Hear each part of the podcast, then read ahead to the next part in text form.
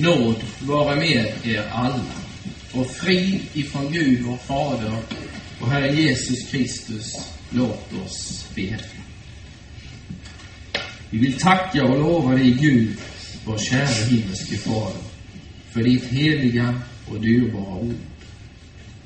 Låt det vara våra fötters lykta och ett ljus på vår stig. Gör oss fria från allt som plågar och allt som trycker. Ge oss den frid som världen inte kan ge. Kom också med din gode helige Ande och upplys våra sinnen och samla våra spridda tankar kring ditt heliga och livgivande ord.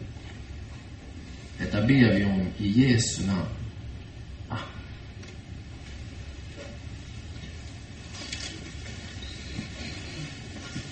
Kära församling. Kära vänner i Kristus Jesus. Som dagens tema kan vi sätta det som stod i vår kyrkokalender. Rik inför Gud.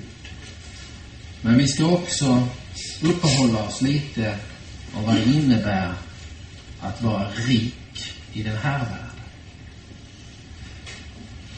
Det är en oerhört stor skillnad att vara rik i den här världen och att vara rik inför Gud. Att vara rik i den här världen, det är verkligen inne. Dagligen så påminns vi i radio, vi påminns i TV, vi påminns i våra små, små smartphoner och våra surfplattor om hur börsen går upp och börsen går ner. Om företag som går i konkurs och företag som går alldeles sparande. Det förs statistik över världens rikaste människor. Om vi tittar i dagens industri så finns det en lista. Och den toppas för närvarande av Bill Gates som äger nästan 650 miljarder kronor. Och han följs av den amerikanske investeraren Warren Buffett som är nästan god för 600 miljarder kronor. Deras förmögenhet är nästan ofattbara 1,2 biljoner kronor. En summa som är svår att fatta och den är svår att förstå. Men för att vi något ska förstå hur stor summan är så räknade jag ut att varje svensk skulle få 120 000 kronor om vi skulle få ärva dessa två magnater. Bibeln förbjuder inte rikedom eller säger inte heller att en rik människa inte kan vara kristen. Vi läste från Predikaren och det stod i en vers lite senare från vår text att om Gud ger rikedom och skatter åt någon och dessutom förmåga att njuta av det och ta ut sin del och finna glädje i sin möda så är det också, står det i Bibeln, en Guds gåva. Men Bibeln säger också, där din skatt är, där är också ditt hjärta. Paulus han skriver till Timoteus, uppmana dem som är rika i den här världen att inte vara högmodiga. Att, sitt, att sätta sitt hopp till något som är så osäkert som rikedom. Utan tvärtom till Gud som rikligt ger oss allt att njuta av. Men hur är det då, kära vänner, motsatsen här, att vara rik inför Gud? Vem är rikast inför Gud? Vad kan vi läsa om det? Vem leder den ligan? Du som sitter här i kyrkan idag. Du som genom tron känner frälsaren har ett arv. Ja, du har redan här en salighet som är långt mera värt än de 1,2 biljoner som herrarna som var rikast i den här världen ägde. Och dessutom har du gratis, och du har fått det fritt och för intet. Du har fått något som är ännu mera värt, nämligen det eviga livet. En skatt som ger frid i själen, hjälp och tröst i nöd. Det är din rikedom, du som sitter här och lyssnar. Det här håller i den här tiden och det håller för den långa evigheten. I en sång som ska sjunga lite senare, där står det Om jag ägde allt, men inte Jesus, vore livet värt att leva stund. Kära vänner, denna söndag vill få oss att rätt lära oss vad det är som är det väsentliga under vårt korta jordeliv som vi har framför oss. Och för att du och jag ska förstå, eller för att vi ska få rätta proportioner, så kan vi ställa oss frågorna som Paulus gör i Första Korinthierbrevet. Vad äger du som du inte har fått? Vad äger du som du inte har fått? Frågan är både enkel och den är rak. Och det finns bara ett svar på den frågan och det är ingenting. Det svaret såg Paulus att korintierna, de behövde lära sig för att få rätt perspektiv både på sig själva, sitt liv, sina ägodelar och i gemenskapen med sina bröder. Konsten att äga och konsten att ha, det är svårt. Vad vill då Guds ord lära oss här? Allt det du har, det har du fått.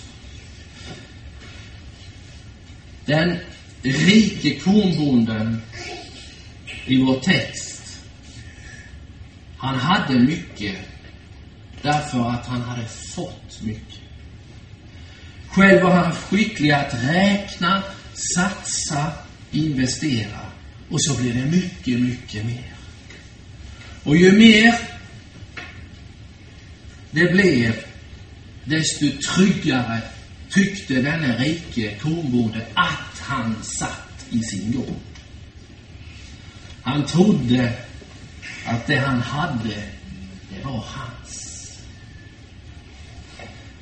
Han talade med sig, med sig själv. Men trots all egendom så fanns en oro någonstans. Det fanns något som behövde lugnas ner. Det var något där inne i hans själ, bakom alla fina byggnader, lador, fasader, som gnagade och oroade honom. Han var inte riktigt tillfreds med att bara få mer. Vad själen ville ha var inte mera, utan något annat. Varför är detta viktigt? Själen vet att det vi äger, det vi har, det är bara ett kort lån. Själen som är odödlig, odödlig har vi alla. Den blir orolig, vilsen av att bara få mer. Det är något annat den vill ha. Den vill ha trygghet, den vill ha frid, den vill ha ro. Därför säger det också Bibeln, vad hjälper en den om hon vinner hela världen men förlorar sin själ?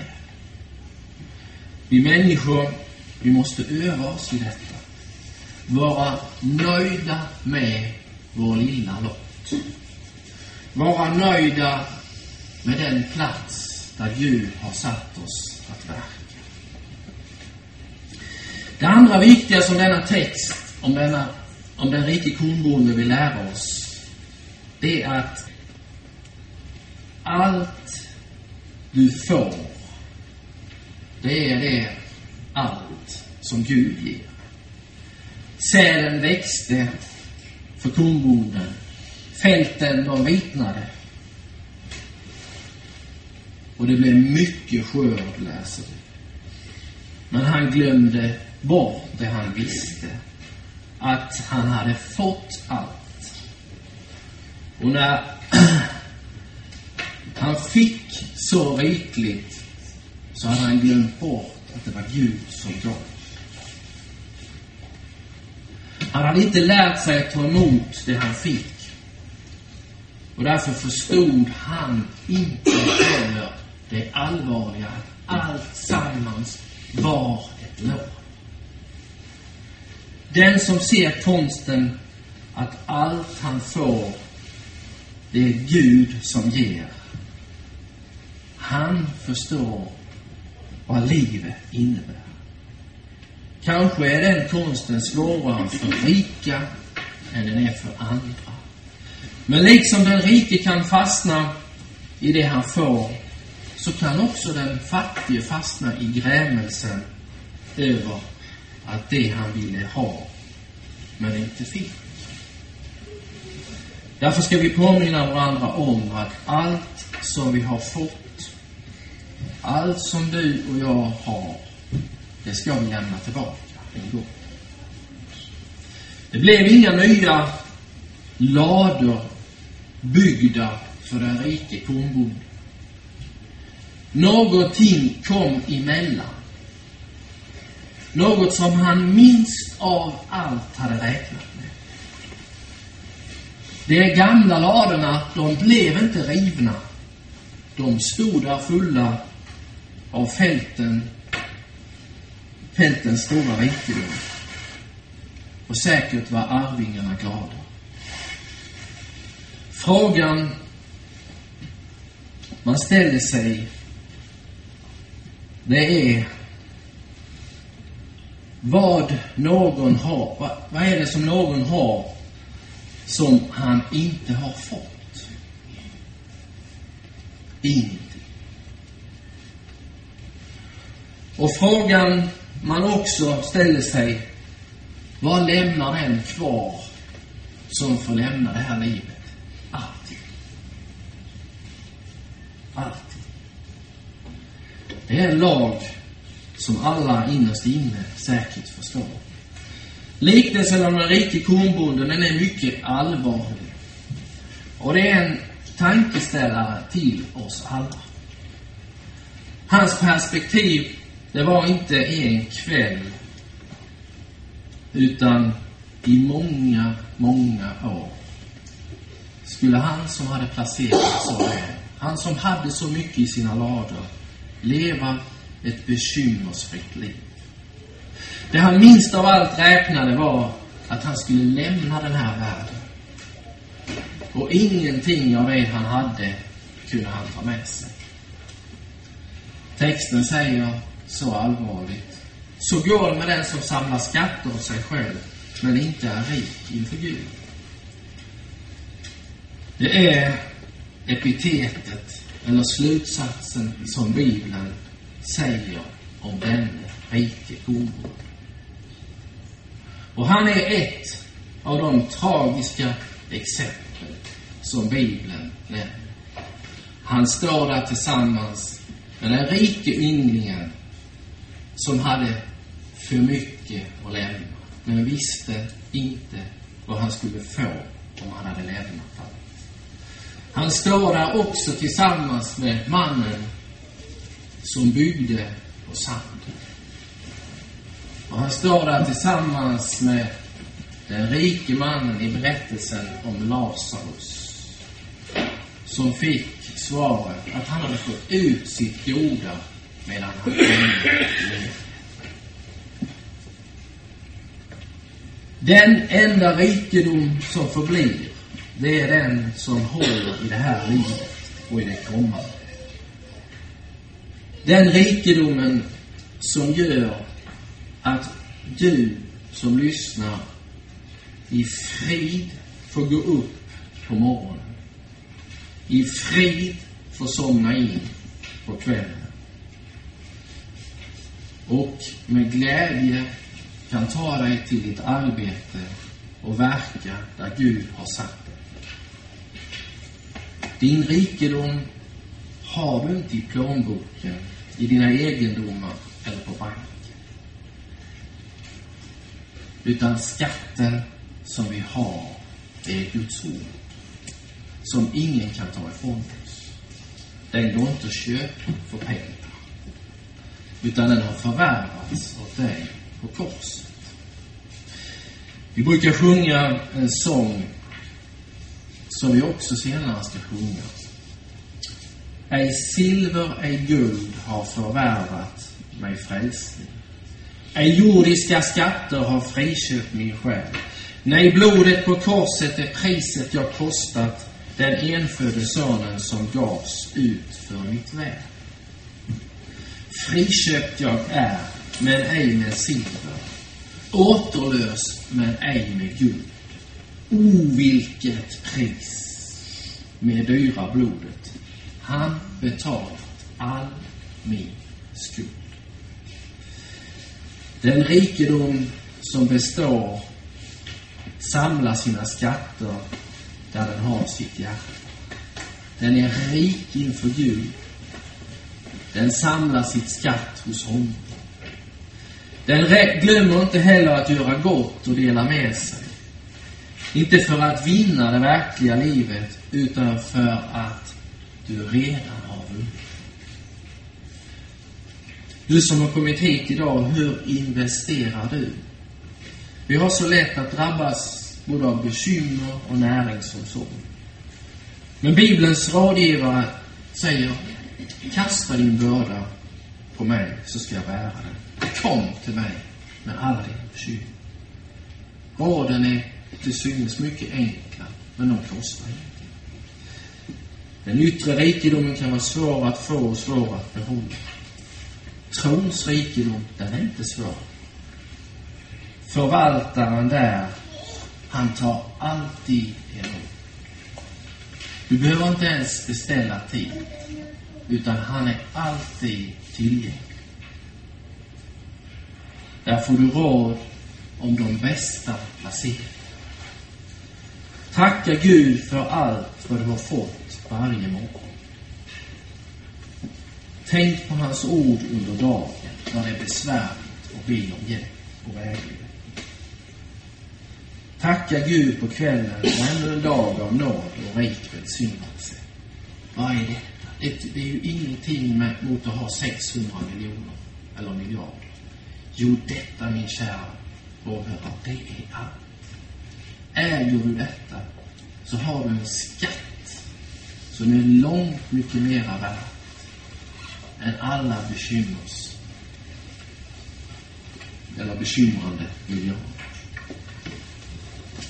Mer behöver inte din återlösta själ. Det talas mycket om fonder idag. En av de bästa fonderna är Romarbrevet 11. O, vilket djup av rikedom. Där finns det rikedom. Ja. Och vishet och kunskap hos Gud. Hur outgrundliga är inte hans domar och ofattbara hans vägar. Vem har förstått Herrens sinne eller vem har varit hans rådgivare? Eller vem har gett honom något först så att han måste betala igen? Och så kommer det här. Av honom, genom honom och till honom är allting. Hans är äran i evighet. Satsa på den fonden så blir du rik. Redan här, men också i evighet. Där du och jag med alla som genom dopet och tron fått gåvan att se vilken rikedom detta är. Låt oss avsluta vår predikan med att läsa några verser ur Hebreerbrevet. Här har vi ingen stad som består. Men vi söker den stad som ska komma. Låt oss därför ständigt genom honom frambära lovets offer till Gud. En frukt från läppar som prisar hans namn. Och glöm inte att göra gott och dela med er. För sådana offer behagar Gud. Ah, Låt oss be. Tackar vi dig Gud, du vår kära himmelske Fader, för att vi får vara så rika. Både själva och som församling. Tack för att vi får äga ditt ord mitt ibland oss. Lär du oss att leva av det varje dag. Så att det blir oss till varning och förmaning, men också till glädje och tröst. Detta ber vi om i Jesu namn.